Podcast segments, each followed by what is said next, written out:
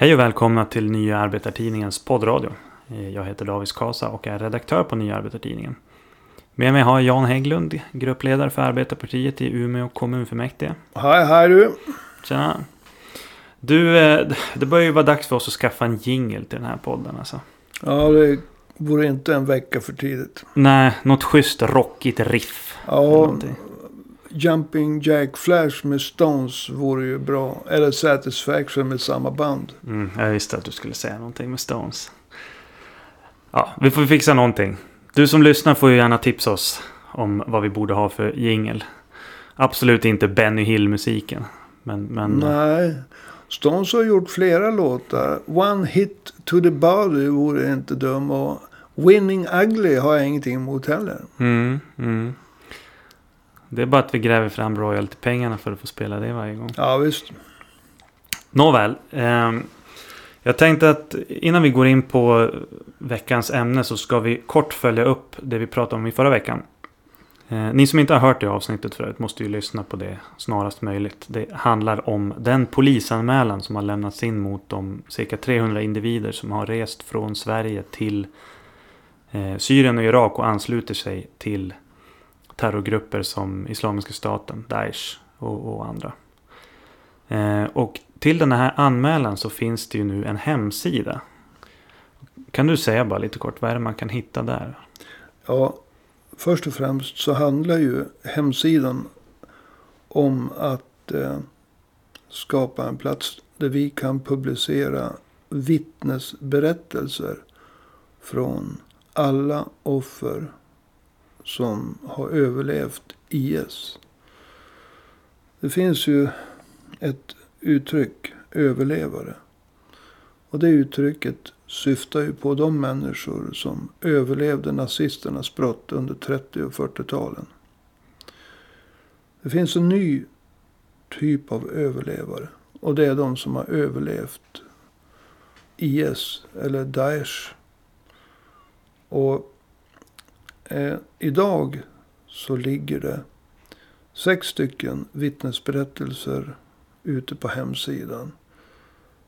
Hemsidan den kommer man in på genom att klicka in sig på demokratiupprättelse.se. Av de där sex eh, vittnesberättelserna så är alla skrivna på två språk. Det är främst arabiska och svenska. Alltid svenska.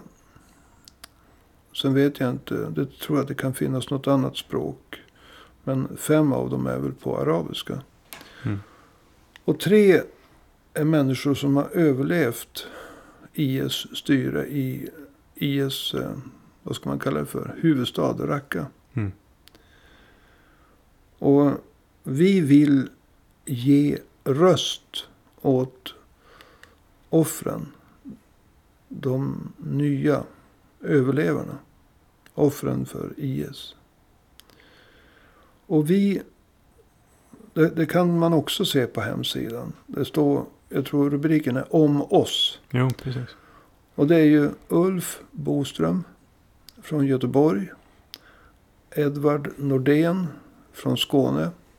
Och undertecknad som eh, befinner sig i Umeå. Just det. Och eh, adressen då, det var demokratiupprättelse.se. Ja.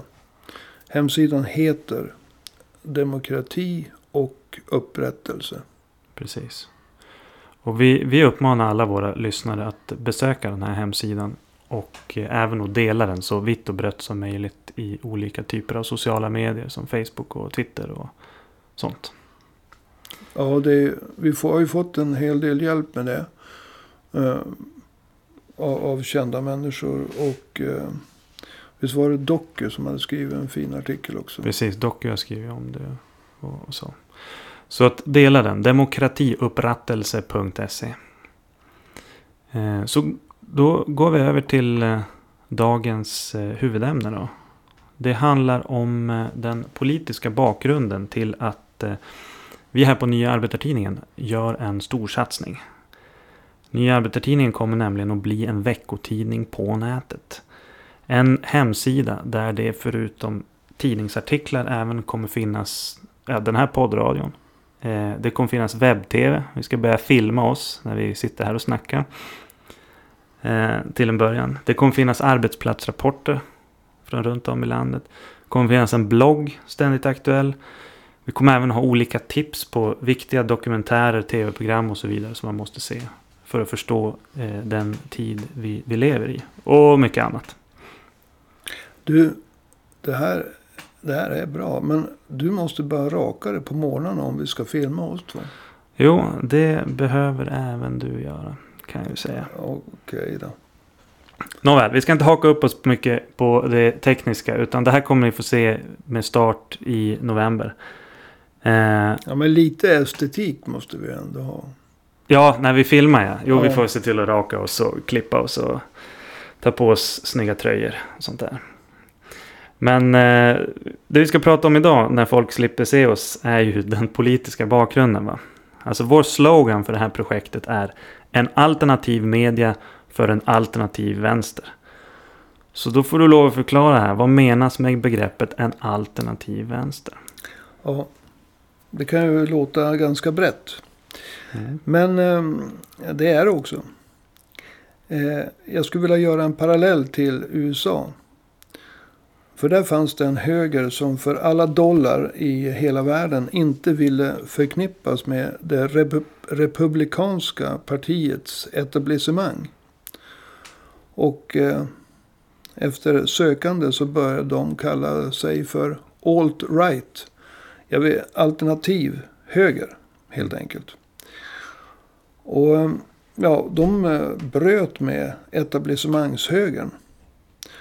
Och denna alternativa höger, de skapades till stor del, eller huvudsakligen, kring eh, det nya mediet.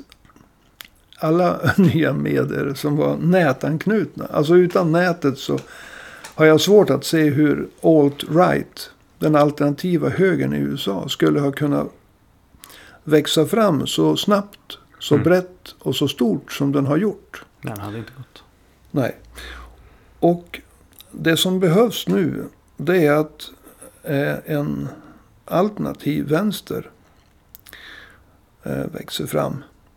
Eller för att den vänster som finns, den har kört etabli etablissemangsvänstern. Den har kört direkt rakt ner i diket politiskt. Och jag vet inte om de har gjort det personligt också. Va? Men eh, åtminstone politiskt. Jo. Och det är därför en alternativ vänster behöver vi naturligtvis en alternativ media som vi kan återkomma till. Men det är inte fel att lära sig av andra. Och eh, en alternativ vänster måste i viss utsträckning börja från början. Men på grund av nätet behöver man inte börja från början på det sätt som man gjorde förr i tiden. Nätet är bra. Precis.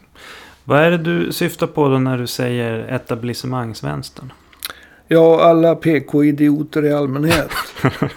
men, men alltså, för att vara lite mer specifik då. Jag menar, vi har länge använt ut ett uttryck som V med vänner.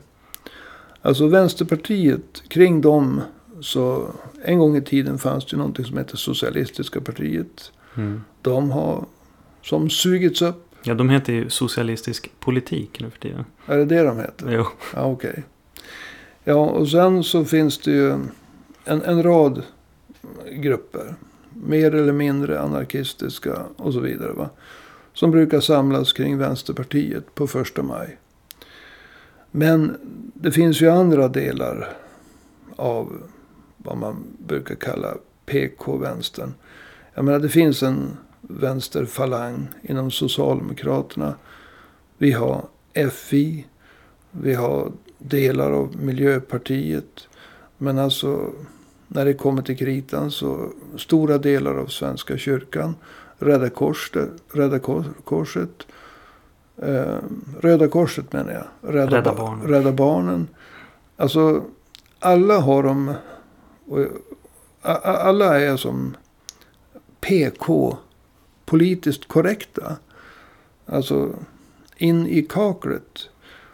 Och det är massa media. Eh, som verkar inte se vad som händer i världen. Utan hellre leva kvar i det förgångna. Va? Ja. Men vi lever inte på 70-talet.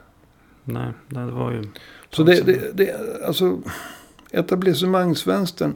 Det är etablissemanget som har fått för sig att de ska vara politiskt korrekta. Och vad det har med klassisk vänster att göra, det vet jag inte. Men det är i alla fall ett begrepp. Mm. Och det måste man göra slut på. Eller, det kanske låter som om det var fysiskt. Men jag menar, det måste finnas något alternativ till det. Jo. Därför där, det har ju kört in i väggen. In i kaklet. Det brukar man säga positivt. Men de här har kört genom kaklet och mår inte bra. Nej, precis. Politiskt. Vad skulle man bygga en sån här alternativ vänster på då? Ja, det är två pelare. Alltså, först och främst. Är man socialist, demokratisk socialist. Då är grunden att samhället, samhällsanalysen. Det är att vi lever i ett klassamhälle. Det finns de som jobbar och sliter ihop till det nya värdet. Och det finns de som lägger beslag på det. Och när vi pratar om arbetare så pratar vi naturligtvis om de som jobbar som svetsare, målare, montörer på Volvo. Men vi pratar också om alla de som jobbar inom vården. Biträden, undersköterskor, sjuksköterskor. Vi pratar om de som jobbar som tekniker och ingenjörer. Vi pratar om de som jobbar som, ja de slår in varorna. Kassörer, kassörskor på ICA, Coop. De som jobbar på, inom serviceyrken, inom handel, på lager. De som steker burgare på en rad snabbmatsrestauranger. Mm. Alltså vi pratar om de arbetande i vid bemärkelse. Så att samhället är uppdelat i klasser. Och en alternativ vänster tar ställning för de arbetande. Mm. Det är grunden. Hur, sku, hur skulle det se ut rent konkret då, politiskt? Vilka frågor skulle en alternativ vänster driva? Ja, ta det här med industrin. Alltså, industrin till exempel. Det var grunden till den svenska framgångssagan. Välfärden. Till att det fanns pengar att fördela. Ett välfärdssamhälle att bygga upp. Och industrin, de producerar vinster. Och då är frågan, hur ska vinsterna fördelas mellan aktieutdelningar, löner och investeringar? Och när det gäller investeringarna, var ska de ske? Ska de ske eh, i Sverige? Där jobbarna har slitit ihop till investeringarna. Och där man kan styra investeringarna. Eller ska investeringarna, ska man jobba ihop till investeringarna här hemma. Och sen ska investeringarna förläggas i något låglöneland. Som kanske inte ens har demokrati, fackliga rättigheter. Där arbetarna nästan har slavliknande förhållanden. Bara för att de som kontrollerar investeringarna ska tjäna mer pengar. Nej, utan vi måste återigen resa frågan om kontrollen över vinsterna. Hur de ska fördelas, aktieutdelningar och investeringar. Och vart ska investeringarna ske och i vad. Det är helt avgörande. Sen har vi bossväldet som breder ut sig på arbetsplatserna. Mm. Här krävs en helt ny, en, en renässans för frågan om medbestämmande för de anställda på arbetsplatserna. Det fanns ju en gång någonting som hette medbestämmandelagen på 70-talet. Som väckte enorm entusiasm. Mm. Och eh, vi måste resa frågan igen. Bekämpa bossväldet. Det gäller både på inom den offentliga sektorn och bl- bland de privata arbetsgivarna. Och de här frågorna har ju naturligtvis etablissemangsvänstern absolut ingenting att säga om idag. Nej, nej, industrin diskuteras ju överhuvudtaget inte alls. Alltså inte ens i samband med partiledardebatter. Eh, på tv. I valrörelser. Eh, fördelningen av vinster som du var inne på. Och styra investeringar. Det är ju någonting som. Det är ju fullständigt helt försvunnit från, från den politiska debatten. Det finns inte i deras alfabeten. Nej. Men du nämnde att det fanns en andra pelare. Eh, när det gäller eh, en alternativ vänster. Oh yes. Och eh, jag misstänker att det handlar om integrationspolitiken. För det är ju en fråga där många idag anser att den etablerade vänstern har hamnat helt fel. Alltså man vägrar diskutera storleken på flyktingmottagandet. I många år så förnekade ju framförallt Vänsterpartiet, de förnekar ju existensen av hedersförtryck. Eh, stora delar av vänstern har krupit för olika typer av eh, islamister som Muslimska brödraskapet, salafister och så vidare. Hur skulle en alternativ vänster se på de här frågorna? Ja, det är det som är den all, all, andra pelaren. Va?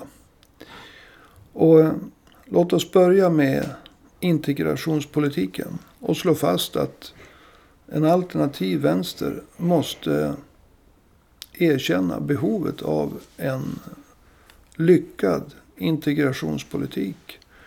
En alternativ vänster måste erkänna att den integrationspolitik, i den mån det har förts någon, har misslyckats fullständigt monumentalt och totalt. Mm.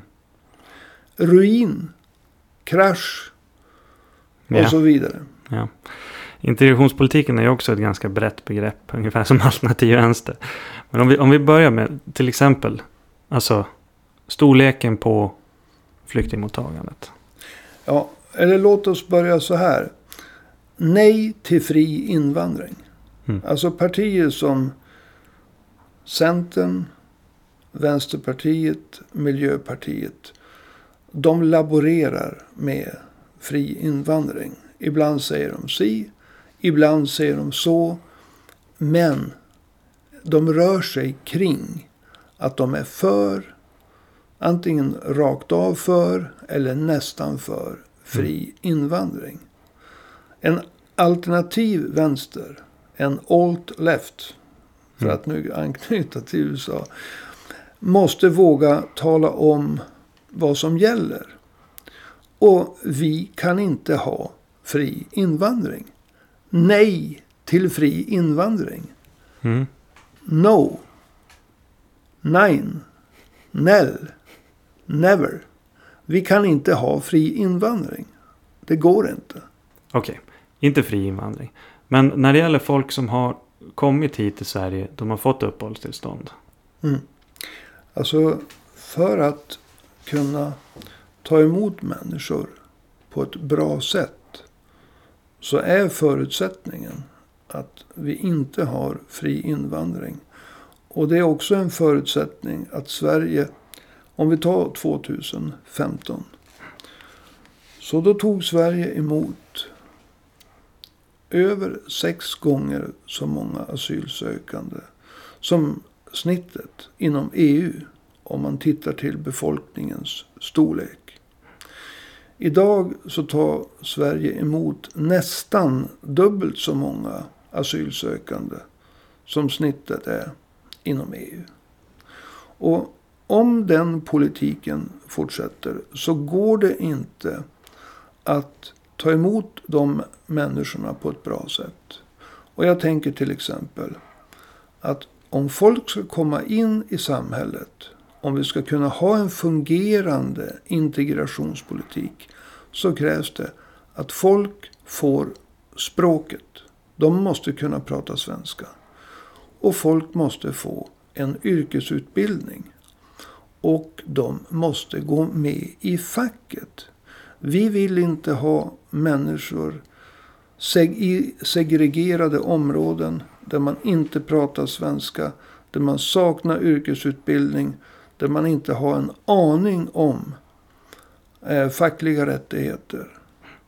För på den grunden så växer det inte bara fram konstiga idéer om hur samhället ska byggas. Det växer också fram en svart arbetsmarknad.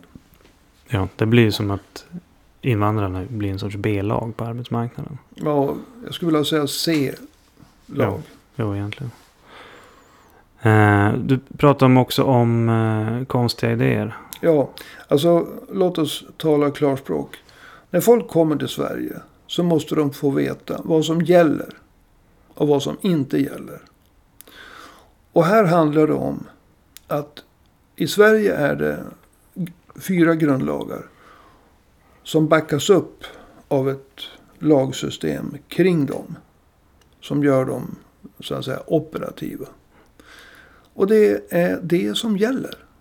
Vad som inte gäller. Det är hedersförtryck. Eller sharia-lagar. Mm. Utan även om man kommer från länder där det har funnits hedersförtryck. Där det finns hedersförtryck. Eller om man kommer från länder där sharia-lagar råder. Så gäller inte det i Sverige. Mm. Utan det här är underställt de svenska lagarna. Och de sedvänjor som har vuxit fram på grunden av de svenska lagarna. Till exempel, man får inte slå barn i Sverige. Barnaga är förbjudet. Månggifte är inte tillåtet. Barnäktenskap är inte tillåtet. Det är det som gäller. Punkt slut. Mm. Och om man inte accepterar att de svenska grundlagarna är över, står över sharia. Då ska man inte ha svenskt medborgarskap. För att tala klarspråk. Mm. Nej till fri invandring. Och inget medborgarskap. Om man inte accepterar att svensk lag står över sharia. Mm. Det är klarspråk. Mm. Och en alternativ vänster ska tala klarspråk. Jo, precis. Sen är ju det här, alltså det kan ju låta som kontroversiella saker att säga i Sverige. Men, men till exempel ett land som Finland. Så är man väldigt noga med att alla som kommer. De får lära sig vad som gäller i Finland. För nu är de ju i Finland. Ja, visst. Och det är därför som jag spårar ur ibland. Och Mm. pratar om PK-idioter. Ja. Som inte törs säga sanningen. Nej, precis. Men jag menar, risken är ju, och det ser vi ju redan i Sverige. Alltså vad händer när man inte säger vad som gäller?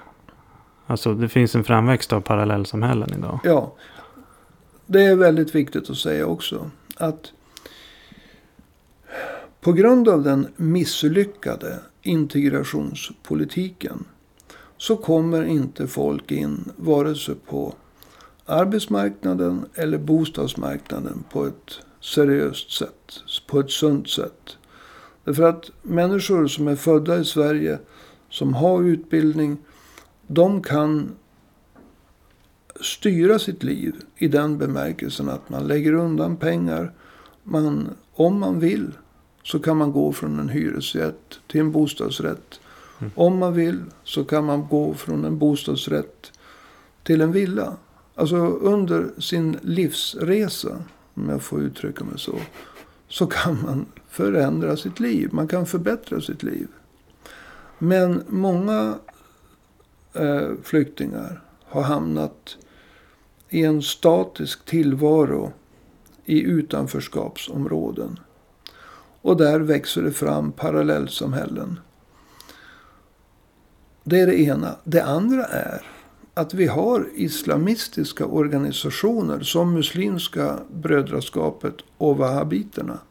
Och de arbetar aktivt för att vi ska få parallellsamhällen. Mm. Där sharia råder. Alltså, det är inte bara så att den misslyckade integrationspolitiken skapar på grund av dess misslyckanden segregerade samhällen. Utan det är också så, låt mig säga det igen, att islamisterna arbetar aktivt för parallella samhällen där sharia råder. Mm. Alltså det finns de som arbetar aktivt för det. Och det måste också sägas. Det måste också en alternativ vänster kunna säga. Mm. Hur är det då? Finns det, finns det några motkrafter i de här områdena som man kan bygga på? Ja, det är det som är... En alternativ vänster måste erkänna och stödja de demokratiska muslimerna. Det är djupt religiösa människor. Men de accepterar att svensk lag står över sharia. Och de är beredda att eh, leva efter de svenska lagarna. De är djupt religiösa. De är muslimer. Och de kommer att vara våra absolut viktigaste allierade när det gäller framtiden. Att lösa upp de här starka tendenserna som finns i Sverige till segregerade parallella samhällssystem. De, och jag skulle vilja säga att de demokratiska muslimerna, de är i majoritet. Men de är nedtryckta därför att samhället, de politiska partierna, PKismen har valt att stödja islamisterna. Mm. Muslimska brödraskapet har under årtionden jobbat, infiltrerat partier som Socialdemokraterna, Miljöpartiet, Vänsterpartiet, i viss mån även Centerpartiet. De har skaffat sig positioner i studieförbund med mera, med mera. Det är som att se filmen Life of Brian. Där de räknar upp alla rörelser som ska befria Palestina eller Judeen från, från Rom. Va? Just det, det är massa olika eh, befrielsefronter. Ja. Och, och eh, Muslimska brödraskapet jobbar väldigt effektivt och långsiktigt. Och tyvärr så har samhället, de politiska partierna och myndigheterna låtit de här islamisterna framträda som talespersoner för alla muslimer. Mm. Och de demokratiska muslimerna har inte prioriterats av samhället. Nej. Vi, alltså de, den alternativa vänstern, måste räcka ut en hand, ta den med båda händer och stötta de demokratiska muslimerna. Det är våra viktigaste allierade. Mm. För att bryta upp parallellsamhällena. Så att man ska sammanfatta vad du har sagt då. Alltså så en alternativ vänster. Den måste liksom ha det ena benet i. De, det som var de klassiska vänsterfrågorna. Klassfrågorna. Ja, det är exakt så. Försvar av industri och offentlig sektor. Ja. Och eh, den andra benet så måste man jobba för en, en vettig integrationspolitik helt enkelt. Ja, om man ska sammanfatta det så är det. Vi förstår att samhället är uppdelat i klasser. Och vi har tagit ställning för de arbetande. Vi förstår också att det har kommit en rad nya frågor och vi kan sammanfatta dem i att vi måste gå från en totalt havererad integrationspolitik till en ny och lyckad integrationspolitik. Och det enda sättet att lyckas det är att förstå att det finns demokratiska muslimer. Och det är de som kommer att bli våra viktigaste allierade. Utan mm. dem kommer vi att misslyckas. Just det. Vi ska ta, börja avsluta här, men jag har några avslutande frågor till här. Det första är ju, alltså det här med alternativ vänster, är det bara ett projekt för Arbetarpartiet eller? Nej, herregud. I så fall så räcker det med att ha vårat partinamn. Nej, alltså en alternativ vänster, det är ju per definition ett sorts paraplybegrepp. Mm. För de som förstår att man måste återuppväcka, återupptäcka att Sverige är ett klassamhälle. Och man måste ta ställning. Och det andra som sagt var det är att vi måste gå från en havererad integrationspolitik med alla dess olika delar till en integrationspolitik som har framtiden för sig. Mm. Och det här, det är ju någon, naturligtvis någonting som slår an en sträng hos oerhört många människor. Alltså vi riktar, vi tänker sig att det finns oändligt många som har röstat på Sverigedemokraterna en gång i protest. Utan att köpa SDs partiprogram. Man röstar på SD för att man protesterar. De människorna är fullständigt öppna för en alternativ vänster. Det finns socialdemokrater som fortfarande hänger kvar där. För vad ska de annars göra? Mm. De håller för näsan och röstar. Det går 1461 dagar mellan valen. Mm.